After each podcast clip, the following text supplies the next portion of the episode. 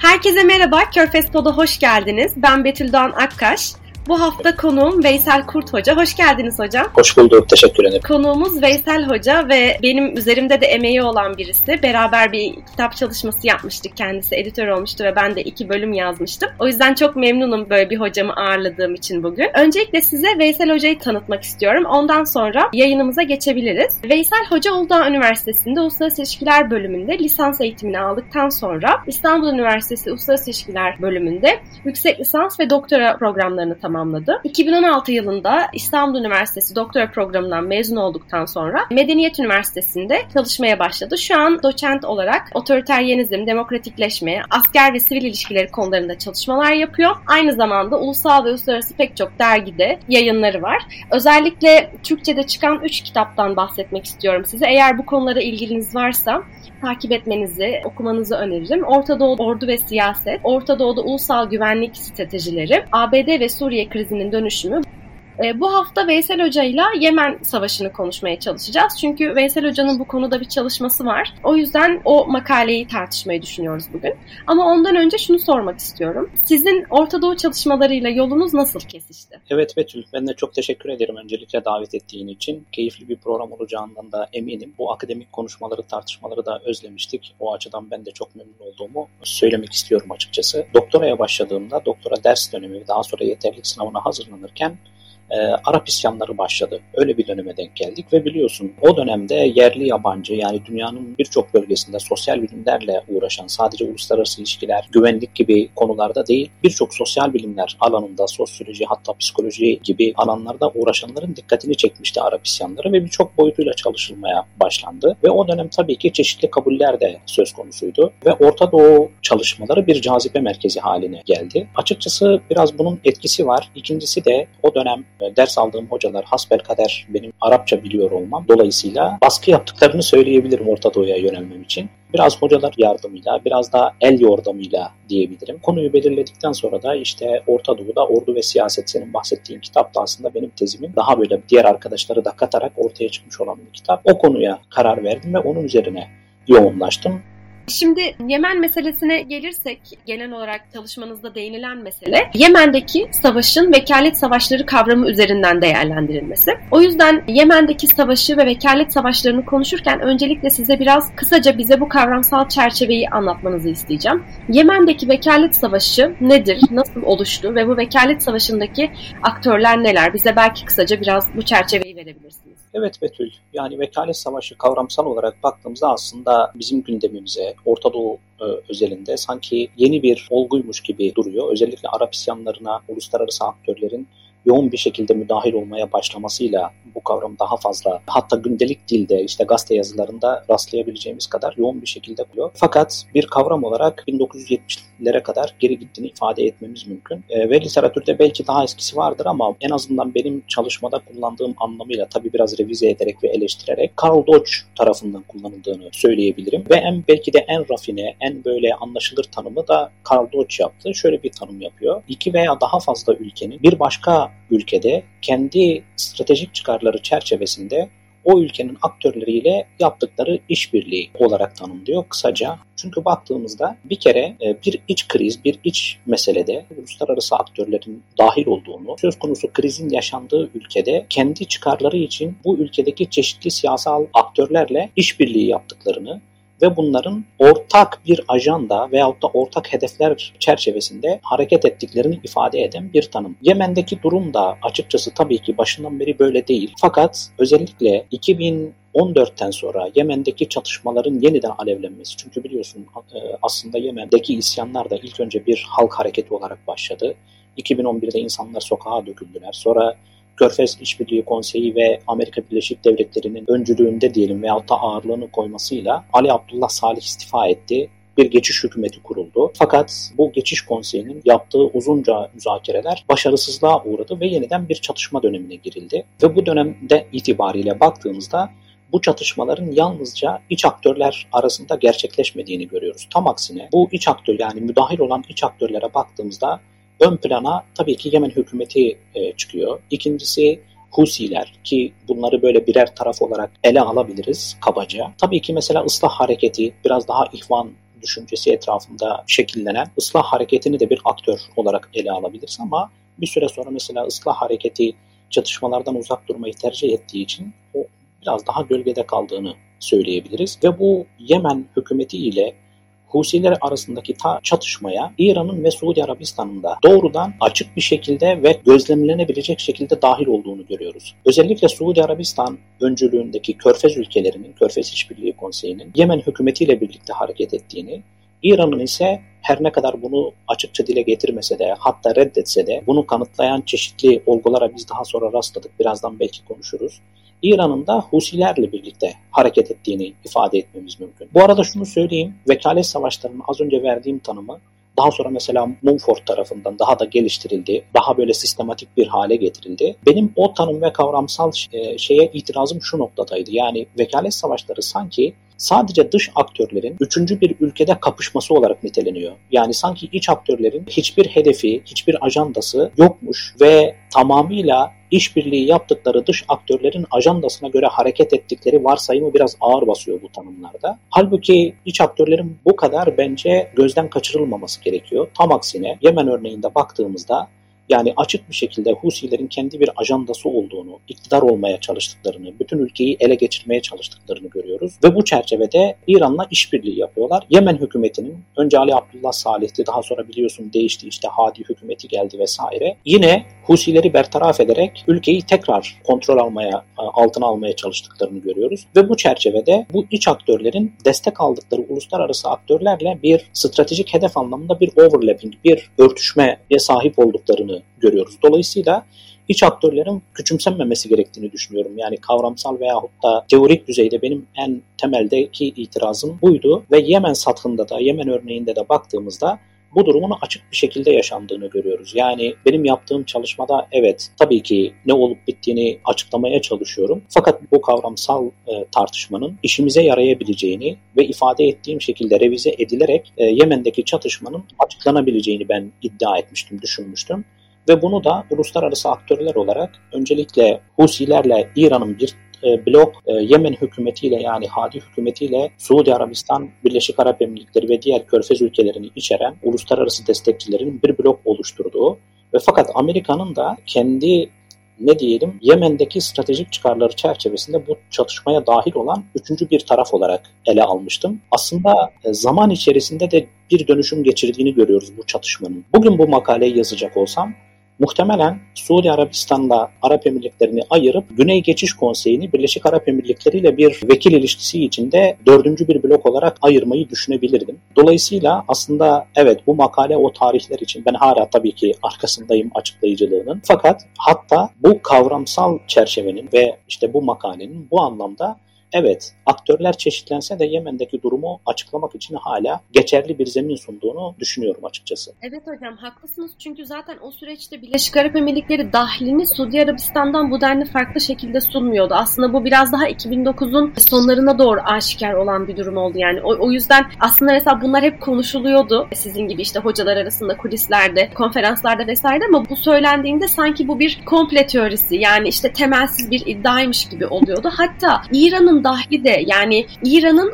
Husilere silah temin ettiğini 2018'in sonlarında biz sınıfta konuştuğumuzda Katar Üniversitesi'nde hocalarımız ciddi manada karşı çıkmıştı. Yani bununla ilgili hiçbir kanıt yok, hiçbir kaynak yok. Yani bu ve buna benzer pek çok şey aslında sonradan ortaya çıkmaya başladı. O yüzden öncesinde bizim sahip olduğumuz bazı belki öngörüler ya da bilgiler çok makalelere tabii giremedi. Vekalet savaşlarıyla ilgili söylediğiniz şey de aslında çok önemli. Çünkü bu aktörler yerelde sahip oldukları bir takım çıkarları ön plana çıkarmak için kullanışlı buldukları noktalarda dış aktörlerden yardım alıyorlar aslında. Yani mesela Güney Geçiş Konseyi'nin Birleşik Arap Emirlikleri ile ilişkisi de aslında tarihten beri bir takım yakınlıkları olsa da bu kadar yakın ilişkileri çok yeni bir durum. O yüzden o söylediğiniz şey çok önemli. Yani kullanışlı buldukları noktalarda iç aktörlerin dış aktörlerle bağlantıya geçmesi. Bu önemli bir durum. Bilmiyoruz o yüzden belki yeni aktörler de girebilir yani bu noktada Yemen Savaşı'na. Çok haklısın Betül. Yani güneydeki ayrılıkçıların bugün Güney Geçiş Konseyi olarak adlandırılan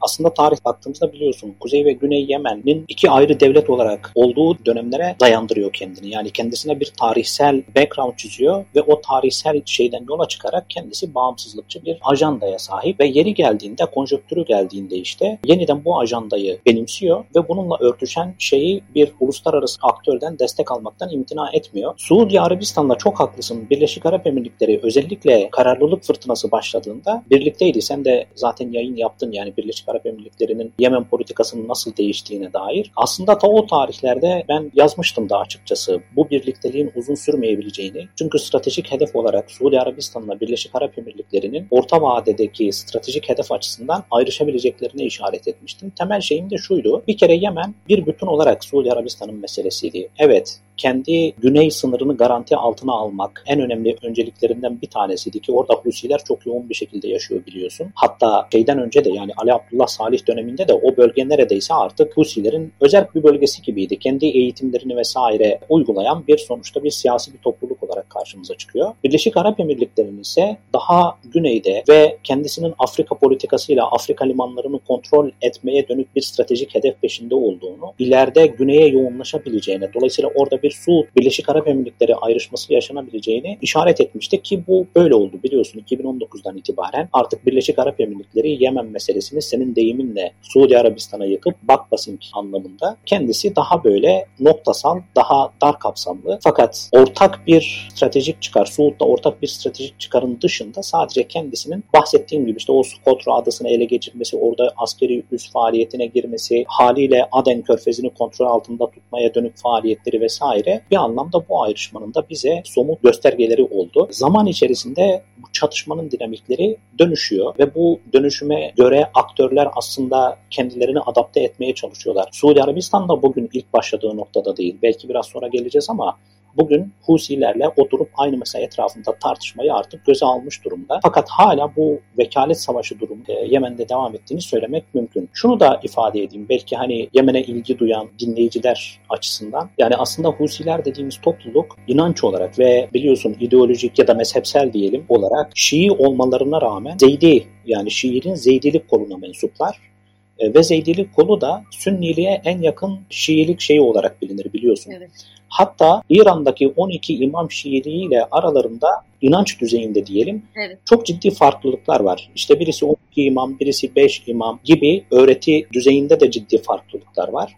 Fakat İran'daki 79 devriminden sonra İran bütün Orta Doğu'da yaptığı gibi Yemen'de de Şii nüfus üzerinden bir etki sahibi olma politikasını gütmeye başladığında ilk işbirliği yaptığı grup Husiler oldu. Dolayısıyla bu inanç boyutundaki ayrışmayı kapatabilmek için daha 1980'lerden itibaren bütün Zeydilerin değil ki Zeydiler Yemen nüfusunun %30-35'ini oluşturuyor biliyorsun. Husiler ise sadece %3 kadarını oluşturuyor. 80'lerden itibaren Husilerin İran'a gidip eğitim aldıklarını biliyoruz. Özellikle Bedrettin Husi yani bugünkü Husi liderinin babasının gidip eğitim daha sonra kendi çocuklarını eğitim için oraya gönderdiklerini ve dolayısıyla Husilerle Suudlar arasında da özellikle 2000'li yılların ortalarındaki o çatışmalar, çöldeki çatışmalar sırasında da İran'dan ciddi yardım aldıklarını biliyoruz. Dolayısıyla bu vekalet durumu veyahut da ortak stratejik veyahut da çıkarlar diyebileceğimiz meselenin inanç boyutundaki ayrışmalara rağmen gerçekleştiğini ve bir stratejik hedef boyutuyla ortaya hatta yoğunlaştığını ifade etmemiz mümkün. Yemen, Suudi Arabistan için neden önemli? Çünkü güney sınırının neredeyse yarısını kapsıyor biliyorsun. Orada Husiler yoğun bir şekilde yaşıyor. Ali Abdullah Salih'in yönetimi boyunca Yemen Suudi Arabistan'ın bir şeyi gibiydi. Hem kendi güvenliği açısından hem de stratejik düzeyde körfez içerisinde ciddi bir müttefikiydi. Fakat Husiler bunu bozan bir unsur haline geldiler. Dolayısıyla Suudi Arabistan'ın oraya müdahalesi de tam da 2011 ve özellikle 2014 sonrasında kaybettiği bu stratejik şeyi yeniden elde etmeye yönelik bir hamle olduğunu ifade etmemiz mümkün. Evet yani Suudi Arabistan için sınırında bir İran tehlikesi oluştu bu sayede. Husilerle İran'ın işbirliği sayesinde ve Birleşik Arap Emirlikleri zaten ilginç bir şekilde İran'la hiçbir şekilde çatışmıyor Yemen'de. Onların çatıştıkları kuvvetler zaten zaten Husilerin, Husiler güneyde o denli aktif olmadıkları için aslında yani merkezi hükümetin kuvvetleriyle sıkıntı yaşıyorlardı ama şu şu süreçte biraz daha hafiflettiler işbirliklerini. Bilmiyorum yani önümüzdeki süreçte e, nasıl olur. E, hocam aslında size bir de Yemen'deki savaşın geleceğiyle ilgili nasıl bir öngörünüz var ya da önümüzdeki yıllarda ya da dönemde nasıl bu çatışma evrilir? Sizce Biden yönetiminin bu noktada bir rolü olur mu? Buna nasıl bakıyorsunuz? Biraz da onu sormak istiyorum. Şimdi Amerika Birleşik Devletleri'nin Yemen'in yani kendi stratejik çıkarları açısından baktığımızda 2011 sonrasında El-Kaide ile mücadeleye odaklandığını görüyoruz. Özellikle Obama döneminde biliyorsun dronların en yoğun bir şekilde kullanıldığı bir dönemdi ki benim o bahsettiğim çalışmada bir karşılaştırma yapmıştım ve Obama döneminde hakikaten El-Kaide'ye karşı sadece Yemen'de değil Pakistan'da da öyle, Afganistan'da da öyle fakat Yemen özelinde daha da geçerli olduğunu söyleyebiliriz bu zaman. Dolayısıyla orada El-Kaide'ye karşı işbirliği yapabilecekleri hiçbir şeyi gözden kaçır. Ali Abdullah Salih hükümetiyle yapıyorlardı bu işbirliğini. Daha sonra Hadi hükümetiyle yapıyorlardı. Fakat bence Husilerle de ki Husilerle Yemen El-Kaide'si arasında da ideolojik anlamda ciddi bir kapışma var biliyorsun. Dolayısıyla orada Amerika'nın stratejik önceliğinin ben bu olduğunu düşünüyorum. Obama döneminde e, fakat şöyle bir şey Yemen krizini etkileyen Amerika'nın siyaseti açısından en önemli şeyin İran'la yürütülen nükleer müzakereler olduğunu söyleyebiliriz. Amerika ile İran nükleer müzakerelerde bir konsensüse vardığında 2015'ten itibaren Amerika İran'la olan diğer ihtilaflarını biraz ikincil düzeye düşürmüştü ve dolayısıyla örneğin İran'ın Yemen'de daha fazla ilerleyişi, Irak'ta daha fazla etkili olmasını Obama yönetimi görmezden gelmişti. Trump iktidara gelip bu nükleer müzakereyi askıya aldığında mesela Suudi Arabistan'ın beklentisi artmıştı. Yani sanki Trump'ın Yemen'de de İran'a karşı bir müdahalede bulunacağına dair vesaire. Trump bunu yapmadı. Sadece söylemsel olarak Suudi Arabistan'ı daha fazla destekleyeceğini, hatta silah satışlarını artırdığını biliyoruz o dönemde. Şimdi Biden dönemine baktığımızda Biden'da evet iktidara geldiğinde biliyorsun söylediği ilk şeylerden bir tanesi Yemen'deki savaşı bitirmenin zamanı geldi cümlesiydi. Yine bir temsilci görevlendirdi Yemen krizinde. Yemen'le ilgili yapılan bütün görüşmelere bu temsilci katılıyor. Bunu biliyoruz. Yani gerek mesela Kuveyt'te yapılacaktı sanırım yapılmadı. Fakat Umman'da geçtiğimiz aylarda bu Amerikalı temsilcinin dahil olduğu, işte Suudi Arabistan, İran ve masada Husilerin de olduğu, Yemen hükümetinin olduğu toplantılara da katılmıştı. Dolayısıyla aslında yine Biden yönetiminin doğrudan bir müdahalesinin söz konusu olmadan fakat İran'la nasıl bir nükleer anlaşma yapacağı meselesi Yemen'i de etkileyecek diye düşünüyorum. Eğer anlaşmanın içerisine sadece Obama dönemindeki gibi nükleer mesele ile sınırlandırılırsa o zaman İran yeniden muhtemelen sadece Yemen'de değil Orta Doğu'nun diğer ülkelerinde de yeniden daha aktif bir politika izleme yoluna gidebilir. Çünkü Amerika'nın müdahalesinden artık daha emin olacak. Fakat anlaşmanın içeriğinde Suudi Arabistan'ın baskısıyla İran'ın bu jeopolitik yayılmasını durduracak bir unsur girerse, böyle bir pazarlık yürürse o zaman muhtemelen mevcut statükonun korunmasını görebiliriz. Veyahut da belki de anlaşmaları için yani İran'la Suudi Arabistan'ın içerideki aktörler üzerindeki etkilerini göz önünde tutarak Suudi Arabistan'la İran'ın Yemen'de anlaşması için baskı yapabilir açıkçası. Ben böyle bir şey bekliyorum. Yani doğrudan büyük bir müdahale yerine İran'la yürüttüğü nükleer müzakereler Suudi Arabistan'la zaten bu anlamda bir şeyi var. Haliyle ikisine Yemen konusunda Yemen'in en azından çatışmaların durdurulması için büyük bir anlaşmaya varıp varmayacakları, yeni bir paylaşıma gidip gitmeyecekleri, gitmeleri zor. Yani en azından zor. Fakat e, çatışmaların durdurulması için baskı yapabileceğini söyleyebiliriz. Baktığımızda Amerika daha çok mesela Suudi Arabistan'ın kararlılık fırtınası harekatına ses çıkarmadı. Hatta desteklemişti. Fakat sadece söylemsel olarak destekli veyahut da göz yumduğunu söyleyebiliriz. Bu anlamda Amerika'nın ciddi bir ağırlık e, sahibi olduğunu söyleyemeyiz ama yine El-Kaide'ye odaklanarak fakat Yemen'deki çatışmayı da e, muhtemelen donduracak şekilde baskı yapmasını bekliyorum. Evet aslında söylediğiniz şey ufak ufak galiba başladı bu Irak'ta İran'la Suudi Arabistan'ın masaya oturduğunu işte bir takım görüşmeler gerçekleştirdiğini söylüyorlar ama tabii elimizde hiçbir yani beyanat yok ya da hiçbir açıklama yok. Önümüzdeki günlerde belki bununla ilgili daha farklı bir sürece evrilebiliriz. Çünkü Katar da aslında Yemen'de önceden arabuluculuk yapmıştı ve tekrar bir arabuluculuk rolü üstlenmek istediğini söyledi İran'la ilgili de. Ama bu noktada tabii Muhammed Bin Selman ve e, Birleşik Arap Emirlikleri liderliğinin Katar'ın arabulucu rolüne çok sıcak baktığını söylemek mümkün değil. Şöyle bir şey ekleyeyim müsaadenle Betül. Suudi Arabistan'ın tavrında da ciddi bir değişiklik var. En azından söylemsel düzeyde bunu görebiliyoruz. Dediğin gibi henüz pratik düzeyde yeni yeni başladı. Fakat Muhammed Bin Selman şeyi açıkladı biliyorsun. İran'la masaya oturmaya hazırız dedi. Evet. E, Husilerle masaya oturmaya hazırız dedi. Bence bunun temel sebebi yine olası Amerika-İran anlaşması. Çünkü bir önceki dönemden ders çıkardığını görüyoruz Suudi Arabistan'ın. İran Amerika ile anlaştığında jeopolitik olarak yayılıyor ve bunu durdurabilecek bir güç yok. Haliyle aynı şeyin tekrar etmemesi için bir anlaşmaya gitmek Muhammed Bin Selman için bir şey olabilir ki yine şunu hatırlatalım. Aslında Yemen Savaşı'nı Muhammed Bin Selman başlatmıştı yahut da harekatını diyelim, e, Suudi Arabistan'ın harekatını ve kendisi için bir çıkış noktası, bir prestij meselesi olarak başlatmıştı. Fakat geldiğimiz noktada az önce sen güzel söyledin, tam da Yemen'i kontrol edeceğim derken bugün Yemen'in çok önemli bir kısmını Husilerin kontrol ettiğini görüyoruz sahada. Dolayısıyla kabul etmeseler de, dile getirmeseler de aslında bir daha önceki durumla kıyasladığımızda yani Husilerin etkinlik düzeyinin daha önceki dönemleriyle kıyasladığımızda bir hezimet yaşadıklarını ifade etmek mümkün. Bunu sahada görüyoruz. Yani bu Suudi Arabistan'a bizim böyle büyük ağır bir eleştirimiz gibi anlaşılmasın. Şöyle bir çatışma haritasına bakılırsa gayet anlaşılabilir bir şey. En nihayetinde başkent sanayi de ele geçirmiş ve neredeyse bütün koalisyon güçlerini Aden'e sıkıştırmış bir çatışma haritası var önümüzde. Bu aralar galiba Marib üzerinde bir çatışma var, bir ciddi bir mücadele var. Orası da anladığım kadarıyla biraz Husilerin operasyonun finansmanını sağlamak için doğalgaz ve petrol rezervlerinin kontrolü açısından önemli. Ve orayı da kontrol ettikten sonra zaten bizim Kuzey Yemen olarak dediğimiz bölgeyi de neredeyse bütünüyle ele geçirmiş olacak. Bu tablo karşısında Suudi Arabistan'ın, Muhammed Bin Selman'ın hem devlet politikası olarak hem kendi geleceği açısından masaya oturması kendisi için kabullenilmesi zor olsa da rasyonel bir seçenek olarak karşımıza çıkıyor. Kesinlikle öyle ve şu an mesela Körfez ülkelerinde Filistin'le ilgili tarihte hiç görülmediği kadar ciddi halk protestoları oldu.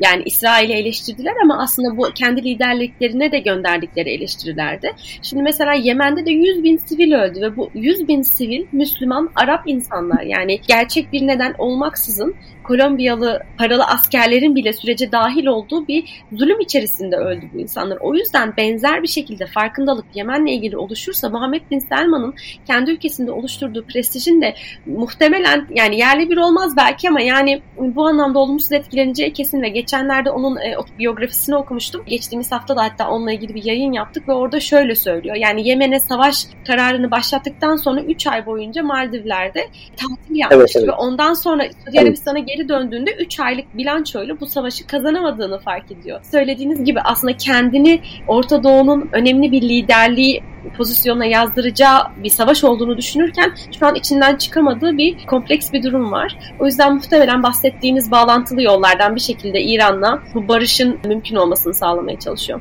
Hocam e, şunu sormak istiyorum size. Yani söyledik aslında Türk e, politikasında ya da medyasında çok sık Yemen'e yer, yer verilmiyor ya da detaylı bir şekilde çok yazılmıyor bu. Ama Türkiye'nin bu konuda dış politikada bir arabuluculuk rolü oldu mu? Yani savaşın sona ermesi ya da insanların yaşadığı bu zulmün sona ermesiyle ilgili bir girişimi oldu mu Türkiye'nin? Şöyle yani herhangi bir müzakereye katkı yapmaktan imtina etmiyor Türkiye. Bunu resmi düzeyde de birkaç kere dile getirdiğini ben hatırlıyorum. Yani kamuoyuna açık gizli bir şey değildi bu. Yani Yemen'deki çatışma sürecinin sonlanması için tarafların bir araya getirilmesi, herhangi bir ne diyelim kendi bir talep olması durumunda bir şey yapması dahil olması noktasında Türkiye imtina etmeyecek. Fakat şöyle bir şey var Betül dikkat edersen Türkiye İran'la Suriye'de bir çatışma halinde ee, yani en azından karşı bloklarda doğrudan bir savaş söz konusu olmasa, olmasa da yine son dönemlerde Suudi Arabistan'la ciddi bir gerilim yaşadığını son yıllarda görüyoruz. Haliyle bu ülkelerle ilişkisi bu düzeydeyken bir arabuluculuk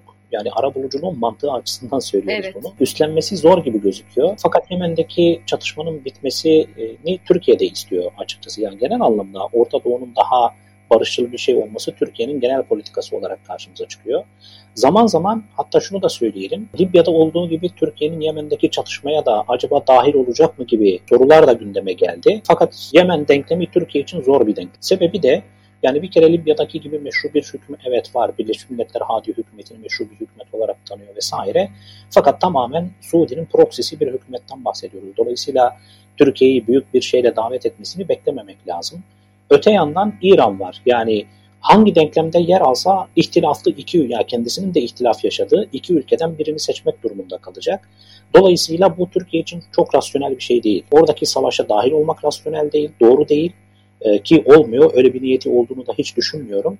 Arabuluculuk mantığı açısından da şu anda bir arabuluculuk yürütebilecek bir şey yok. Fakat Birleşmiş Milletler biliyorsun konseyi oluşturulduğunda o Ali Abdullah Salih hükümeti düştükten sonra Türkiye'de vardı o şeyin içerisinde. Yani birçok ülke vardı evet. tabii ki. Onlarca ülke vardı. Birleşmiş Milletler vardı, Avrupa Birliği vardı vesaire. Dolayısıyla müzakerelerin başlaması durumunda ben Türkiye'nin yapabileceği katkıları yapmaktan imtina etmeyeceğini düşünüyorum. Fakat dahil olmasını beklememeliyiz. Doğrudan ara buluculuk üstlenmesi de ara buluculuk mantığı açısından en azından şimdilik zor görünüyor. Evet haklısınız ama yine de aslında kısmen yapıcı bir rolü var bu noktada. Çünkü Yemen diasporası oldukça aktif İstanbul'da. Hatta evet. Yemen çalışan da görüşüyoruz biz. O yüzden İstanbul'a gelip alan araştırması yapıyorlar. O nedenle Yemen'deki grupların İstanbul'da yani daha nötr bilindiği için İstanbul ve güvenli olduğu için fiziki anlamda bir araya getirildiklerini okudum ben mesela. Bu da aslında e, Türkiye'nin bu noktada olumlu yani süreçte olumlu bir şekilde yer aldığını gösteriyor. Bir diğer mesele de Türkiye'deki yardım kuruluşları Yemen için çalışıyorlar. Ben onları da bir ara kontrol ettim. E, bu da aslında yani e, toplumsal manada Yemen'e destek olmak isteyen insanların e, bu noktada o kuruluşları kullandığını gösteriyor bize. Hocam benim sorularım bu kadar. Eklemek istediğiniz bir şey varsa konuşabiliriz. E, şöyle yani Yemen konusunu konuşurken ben bazen duygusallaşıyorum. Sebebi de şu. Buraya dediğim gibi İstanbul'da birçok Yemenli e, sivil toplum kuruluşuyla görüştük. Yemenli öğrenciler hatta test savunmaları. Türkiye'nin tabii ki işte Suriye, Irak, Libya gibi birinci e, dış politika öncelikleri arasında yer almıyor. Biraz da gözlerde Irak bir memleket olması dolayısıyla oradaki insani trajedi maalesef yer bulmuyor kendine. He Suriye'deki trajedi yer buluyor da ne oluyor diye sorabiliriz. Ayrı mesele bu. Fakat hakikaten böyle bir kendi haline bırakılmış İran, Suudi Arabistan, Birleşik Arap Emirlikleri ve Amerika'nın insafına bırakılmış gibi bir tablo var. Bu can yakıcı. Buraya Yemenliler geldiğinde de yani ister daha Suud eksenli, ister ıslahtan, ister İran gibi e, şeyler geldiğinde onlara söylediğim şeyi şimdi de söyleyerek bitireyim. Yani inşallah Yemen'in barışa erdiği, huzura kavuştuğu günleri de konuşuruz temennisiyle toparlamış olayım ben. Evet hocam inşallah çok haklısınız. Yani o kadar kadim bir medeniyet, yani o kadar tarihi eser, o kadar gelenek, görenek, yani insanların içinde yaşadıkları o güzel coğrafya şu an her şey maalesef yerle bir oldu. Benim için de yani çok üzücü bir durum ama umuyorum e, tekrar barış dolu günlere ee, ererler. 2000, 2012'deydi yanlış hatırlamıyorsam. Ben gitmiştim Yemen'e. Biraz da gezmiştim kaldım. Biraz o tarihi çarşıyı biliyorsun. Evet. Hatta hala evde duruyor oradan aldığım maketler vesaire. 2015'teki çatışmalarda bir kısım yıkıldığını görmüştüm ki dünyanın en eski hani ticari çarşılarından bir tanesi. Evet. için yine Müslümanların inşa ettiği en eski Hazreti Ebu Bekir Mescidi biliyorsun. Yine o çarşının içerisinde. O çarşının işte o caminin vesaire zarar gördüğünü, işte bu kadar insanın hayatını kaybettiği, hatta yine biliyorsun Somali'den insanlar Yemen'e gelip çalışıyorlardı fakat şu anda tersine bir trend. Yani insani trajediden çok bahsetmedik. Fakat Yemenlilerin artık Somali'yi bir kaçış bölgesi olarak gördüklerini maalesef görüyoruz. Ve bu bütünüyle Yemen'in ve Yemenlilerin inisiyatifinde olmayan, işte vekalet savaşı dediğimiz böyle bir şey. Yemenlerin inisiyatifinde ve tercihlerinin dışında olan bir durum olması aslında meseleyi daha da derinleştiriyor ve insani trajediyi daha da bir şey haline getiriyor. Düşün yani hani insanların hiçbir şekilde dahil olmadığı, tercih etmediği, muhtemelen kendilerine sorulduğunda reddedeceği bir çatışma dinamiğinin kurbanı oluyorlar maalesef. Evet. Dolayısıyla dediğim gibi inşallah en kısa sürede bu durum son bulur ve Yemen'in, Yemenlilerin huzur bulduğu günleri de konuşuruz. Evet umuyoruz hocam. Hepimiz için bu daha iyi olur. Ben de gitmeyi ziyaret etmeyi çok isterim. Bu haftalık yayınımızın sonuna geldik. Dinlediğiniz için teşekkür ediyorum. Veysel Hoca'ya ayrıca teşekkür ediyorum katkılarından dolayı. Önümüzdeki hafta görüşmek üzere. Hoşçakalın.